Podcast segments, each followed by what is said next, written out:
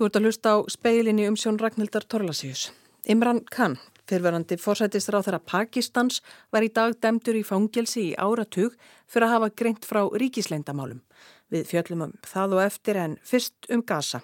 Við heyrum í fórsættisráð þeirra og utanríkisráð þeirra um ákverðun þess síðar nefnda um að frista greiðslur til flótamanna aðstóðarinnar í Palestínu. En byrjum á að heyra í Elínu Jakobínu Ottstóttur hjógrunafræðingi sem að er nýkominn frá Gaza þar sem hún var á vegum Alþjóðaráðs Rauðakrossins. Elín hefur áður starfað í Suður Sútan, Afganistan, Sýrlandi, Jemen og á Haiti en hefur undanfarnar sex vikur starfað á sjúgrási í Rafa, einu örfára sem enn eru starfhæf á Gaza. Dagan í hölda Erlendstóttir hitti Elínu síðdeis. Já, ég er sem sagt uh, skurðhjókunafræðingur og vinn í uh, teimi sem samastendur þá af uh, skurðlækni og skurðhjókunafræðingi. Við erum með svæfingarlækni og svo erum við með almenni hjókunafræðinga sem að vinna þá á deildinni. Við erum sem sagt að sjá um skurðagerðirinn á skurðstofi og svo sjá hjókunafræðingarnir, almenni hjókunafræðingarnir um sjóklingana eftir á. Já og fólk kemur til ykkar með mikla áverka eftir árásir. Gætur þú útskýrt fyrir okkur svona hvernig eru svona algengustu áverkarnir? Sko algengustu áverkarnir sem við vorum að sjá eru uh, beinbrot að sjálfsögðu og svo er sko mikill meiri hluti þeir sem kemur inn. Þeir uh, missa uh, fótleg eða handleg, mjög miklu brunar líka og bruna sem að geta þakkið meiri hlutan af, af líkamannum þannig að það eru svona mestu áverkarnir sem við erum að sjá. En gætur þau lísti hvernig staðan á gasa er fyrir almenna borgara? Uh, staðan á gasa fyrir almenna borgara er vægarsagt hörmuleg. Það er uh, til dæmis inn á spítalanu þar sem ég var að vinna. Uh, Spítalalóðin er fulla fólki, það eru mörg þúsund mann sem eru á lóðinni sem hafa komið sér þar fyrir í þeirri vonum að hafa meira öryggi.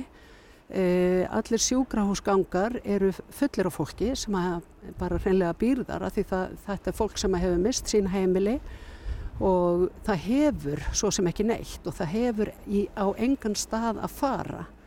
Þannig að e, já, ástandið er vægarsagt hörmulegt. Og hvað er þér efst í huga núna þegar þú ert komin heim eftir sex veikna dvölu við vinnu og gasa? Mm, það er bara þetta ástand sem er svo erfitt að sjá fyrir hvað tekur við fyrir þá sem að búa á gasa. Um, þegar það er búið allir sem að við, bæði sjöklingar og samstagsfólk sem að við vorum að vinna með, allir gáttu sagt frá því að þeir hefðu mist ættingja, börn eða maka eða kannski jafnvel 10-15 manns úr einni fjölskyldu hefðu farist mjög miklir áverkar, mjög miklir uh, bruna áverkar til dæmis sem að erfitt er að eiga við og um, allur aðbúnaður á gasa er líka mjög erfiður þannig að fyrir fólk bara jafna sig eftir þá áverka sem það hefur eh, hlotið er bara mjög, mjög erfitt. Og hvað kemur til með, hvað gerir séðan í framtíðinni, skólar er ekki starfandi, þú veist, fyrir fólkið að uh, eignast heimili aftur.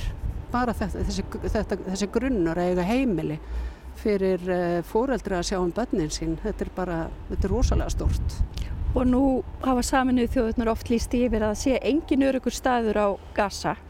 Eh, hvernig leið þér að vera þarna? Óttast þú um þitt öryggi? Um, það er náttúrulega í svona átökum og þá, þá getur maður ekki sagt að maður sé maður er, maður er hverki örugur en uh, við vorum svo sem að uh, vinna alla daga, allan daginn þannig að maður gleymið sér í vinnu og, og svo reynir maður að kvíla sér þess á milli. En nú hefur unnið á fleiri átökasvæðum, þú hefur farið nokkuð oft í, í svona vinnuferðir. Uh, var þetta eitthvað öðruvísi? Þetta er, þetta er öðruvísi að því leiti að það er fjöldin allir á konum og börnum sem við fengum inn á skurstofu hjá okkur og uh, með mikla áverka og uh, konur og börn eiga ekki að þurfa að líða í átökum uh, sem eiga sér stað. Er staðan verri fyrir almenna borgar á gasa en á þeim öðrum stöðum sem þú hefur unnið á? Um, já, ég held að ég geti, ég, ég get sagt það að staðan er, staðan er verri. Ég, uh, já, ég myndi segja það. Saði Elín Jakobín Ottsdóttir, skurðhjókunafræðingur sem var að koma frá Gaza. Við ætlum að fjalla áfram um Gaza en hugað pólitíkinni hérna heima því að þeirra greindi frá því á förstu daga til stæði að frista greiðslur til flótamanna aðstóðar saminuð þjóðana í Palestínu, UNRA. Þar til rannsakað hefði verið til hlítar hvort að nokkrir starfsmenn hennar hefðu átt þátt í árásum Hamas á Ísrael 7. oktober. Hauskuldur Kári Skram fréttamaður rætti við Katrínu Jakobsdóttur fórsættisráðara eftir ríkistjórnafundi í dag um ákverðun Bjarnar og í beinu framhaldi heyrum við í honum. Utaríkisáþur að tekur þessa ákverðunum að frista greiðslur til flótamanna aðstórunar. Ertu sammála þessari ákverðun utaríkisáþur? Hann var að fara yfir þessa ákverðun sína núna á ríkistjónafendi og eins og ég skil þessa ákverðun þá snýst hún fyrst og fremst um það að óska skýringa frá stofnunni hvernig tekist verður á við þær svona ásaganir sem hafa verið uppi á hendur einstaka starfsmönum stofnunarinnar það liggur alveg fyrir að okkar kjarnaframlati stofnunarinnar, það var áallega að það rænni til hennar núna á fyrsta ásfjórðungi og uh, minn skilningur á ákvörðinu utarengisráð þeirra er að þarna sé engungu um frestunaræða en um leið og þessar skýringar líki fyrir þá sé engin bilbugur á því að Íslands stjórnvöld haldi áfram að styðja með mannúðarastofa gasa eins og líkur fyrir í álíktun alþingis og eins og líkur auðvitað fyrir að þarf að gera. Þarna er hræðileg mannúðakrísa Þarna hafa 25.000 manns fallið, óbreytti borgarar, ótrúlega hátt hlutfall þannig að það líkur alveg fyrir að uh, við höldum áfram okkar stuðningi en óskum eftir þessum skýringum. Eh, þannig að þú ert sammálað þessari ákvörðun Utaríkisráður að frista þessa greiðslu í byli? Utaríkisráður tók sína ákvörðun og vildi óska eftir skýringum og hann hefur gert grein fyrir henni í ríkistjórn, hegst gera grein fyrir henni í Utaríkismálanend alþingis líka sem er líka mjög mikið vekt og eins og við höfum bent á það hefur það verið æskilegt að ræða þetta á þeim vettfangi áður Uh, en hins vegar er bara fyrir að minni hálfu og mín ástæð er svo að við eigum auðvitað ekki að gefa neitt eftir í því að styðja við mannúðarastóða þessu svæði. Þannig að svo við fáðum bara já að neysvar, ertu sammálað og ósamálað þessar ákvörðun utanríkisraður? Já, hann hefur gert grein fyrir því að húnum finnst ellert óskæfti þessum skýringum. Ég á vona því að þær muni líka fyrir von bráðar þannig að það er ekki að hafa áhrif á uh, framlegu Íslands. En e, þú hefur telur þá að hann hefði kannski átt að fara með þetta mál fyrst inn í utaríkismálanemnd áður en hann tók þessu ákvörðin? Já, á það var bent að þingflósforman okkar í gerð að það hefði farið vel á því, já. Og þú ert sama sinnis? Já, ég er sama sinnis. En svona einn ein spurninga, lókum ráðfæraðansi eitthvað við þig áður en hann tók þessu ákvörðin? E, nei, þessi ákvörðin var bara tekin um helgina uh, af utaríkisráðra, þetta heyrir auðvitað undir hann og, hérna, og var svo tekin til umræði ríkistjórnuna. Einmitt, takk fyrir. Eh, starfsmenn að fulltrúar auðaríkistjónustuna funduði með fulltrúum frá flóttamanna aðstofunni í gær. Ertu sáttur við þau svör sem þið fenguð á þessum fundi? Já, þetta var góður fundur þar sem að eh, fleiri ríki tóku sömulegist þátt svona á fjarfundi.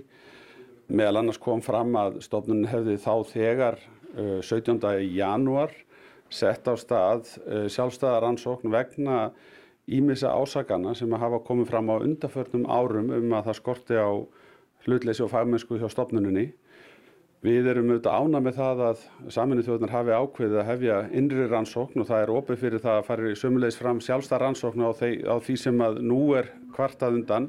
Það sem við viljum gera kannski á næstu dögum og vikum er að aðeins að átt okkur betur á samhljóminum um það að viðbröðin séu fullnægind og nægileg vegna þess að augljóslega er gríðarlega mannúðarkrísa á svæðinu. Við höfum verið að sína skilning í verki með því að stóra auka framlög einmitt til þessara stofnunar á síðast ári. Við viðbótar framlegu okkar til þessara stofnunar uh, voru uh, rúmlega 200 miljónir á síðast ári.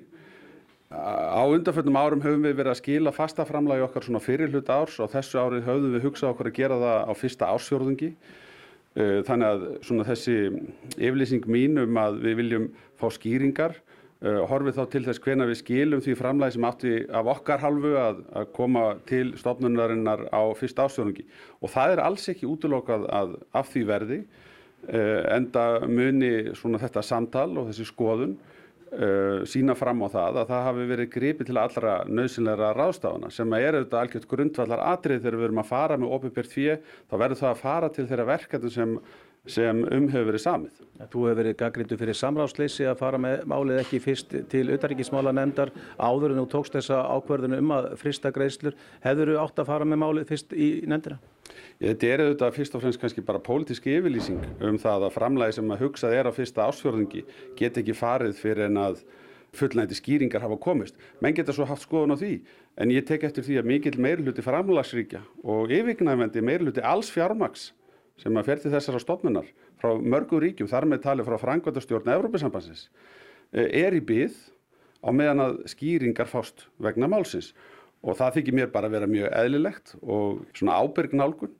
Þeir sem að vilja tjásu um, um, um samráði hafa þá líka vantarlega skoðun á því að, að uh, hvernig við hefðum átt að berðast við. Og mér finnst það nú kannski vera mikilvægara heldur en uh, nákvæmlega í hvaða tímaröð uh, samráði fyrir fram en þetta er sjálfsagt að ræða máli við við auðaríkismálunemnd og endanum er það þingi sem að hefur í sjálfu sér úslita valdum þessar hluti til dæmis í gegnum, gegnum fjarlaðanemnd en mér finnst það nú bara að vera mikill ábæra hluti fyrir mig að, að bregðast ekki við þegar svona alvarlega rásakanir koma fram og, og næra svona góður meirulhuti og yfirgnæfandi meirulhuti allara framlagsríkja ákveða að bregðast við. Þannig að það, ekki, það er ekki þín skoðan að þú hefðir þurft að fara með þetta mál til nefndarinnar áður en þú tókst þessa ákvörun eða sendir út þessa yfirlýsingu? Það er ekki þannig að uh, um helgina hefðu við sendt fjármunni ef hérna, þessi yfirlýsingi hefði ekki verið gefin. Það er bara eitthvað miskilingur. En hvað með að fylgja fordamið normanna og halda áfram uh, og býða eftir niðurstöður ansóknar? Jú, jú, það er, uh, getur alveg á endanum orðið niðurstöðan ef við teljum að málinn séu öll í eðlulegum farvegi. Mér stundum að menn taki það svolítið svona valkvægt að fylgja Norri. Norri hefur til dæmis, hefur til dæmis ekki viðkynnt sjálfstæði Palestínu. En uh, kemur þá til greina ef við fristum þessa greiðslur í lengri tíma þá að setja þessa fjármenn í einhverja aðra mannúðaraðstóð á þessu sveiði? Við höfum engin áform um að draga úr mannúðaraðstóð á sveiðinu. Við höfum sínt það í verkinn sem við segja að, að uh, við tökum ástandunni gríðarlega alvarlega. Við höfum verið að auka framlegin og framlegin til þessara stofnuna fasta framlegi áttið meir en tvöfaldast á þessu ári. Þannig að uh, okkar áform eru áfram til þess að stýðja með öflugum hætti alla mannúðar aðstofasvæðinu og ég er einmitt að auka við aðstofi gegnum aðra stofnanir, núna í gegnum Alþjóðar Rauðakrossins og síðan í gegnum uh, Alþjóðabankan sem er í ímiskonnar innviða uppbyggingu á svæðinu en Rauðakrossin er í alls konar lífsbjargandi neyðaraðstofu á svæðinu saði Bjarni Benediktsson utanækisráðara. Höskuldur Kári Skram rætti við hann og Katrínu Jakobsdóttur fósættisráðara.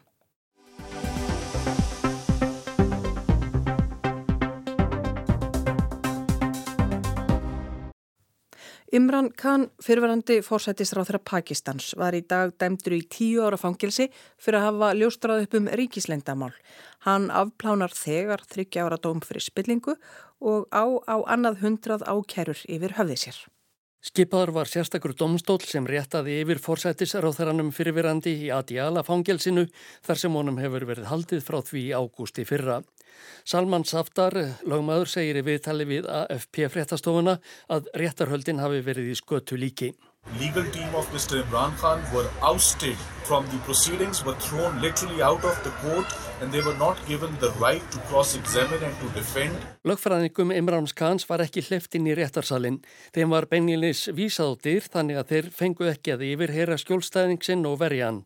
Þetta er stjórnarskrar brot og stríðir gegn eðlilegu réttarfari, sagði lögmaðurinn.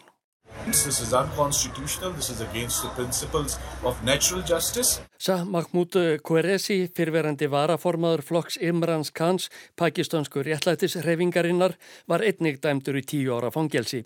Talsmaður flokksins segir að dómunum verði áfríað allalið til hæstaréttar ef þörf krefur.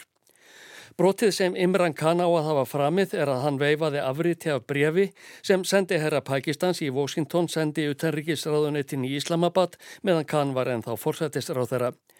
Þar sagði að allt yrði fyrirgefið ef hann yrði fjarlagður frá völdum. Bandaríkja stjórn segist ekkert kannast við þessi skilabóð.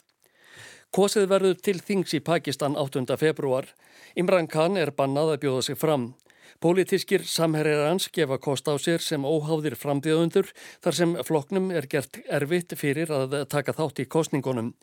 Þeim er bannað að nota flokksmerkið sem er krikettkilva. Fjöldi kjósenda í Pakistan er ólæs og þarf því að reyða sig á flokksmerkin í kjörklefanum. Fyrir vikið segir Masar Abbas stjórnmálafræðingur að lítið verði að marka úrslit kostningana.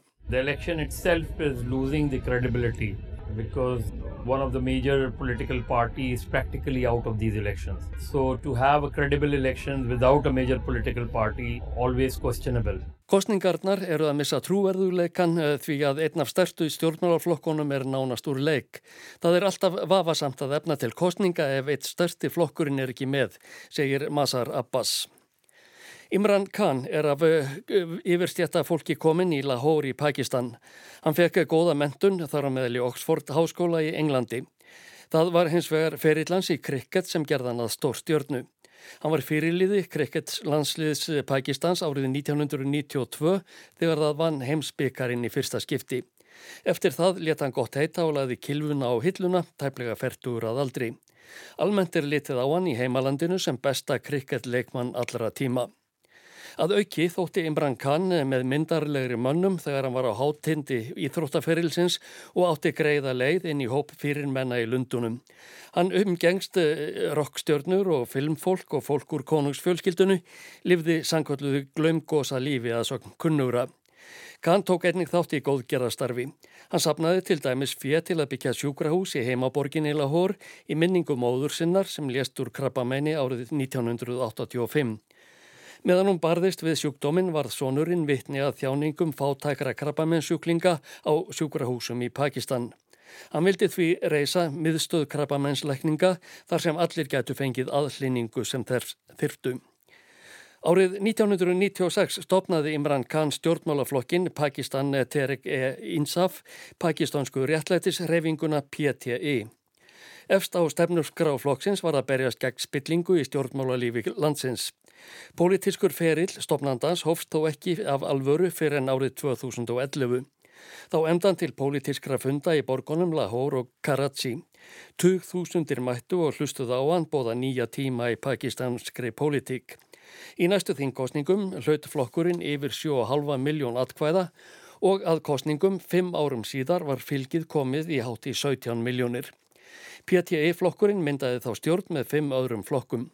Imran Khan varð forsættisráþara þar til árið 2022 þegar meiri hluti þingsins samþekti vantraust á hann. Áður en PTI-flokkurinn kom til sögunar styrðu tver stjórnmálarflokkar og tvær ættir Pakistana töluvörði leiti. Annars vegar var það bútt á fjölskyldan og flokkur hennar, pakistanski þjóðarflokkurinn PPP.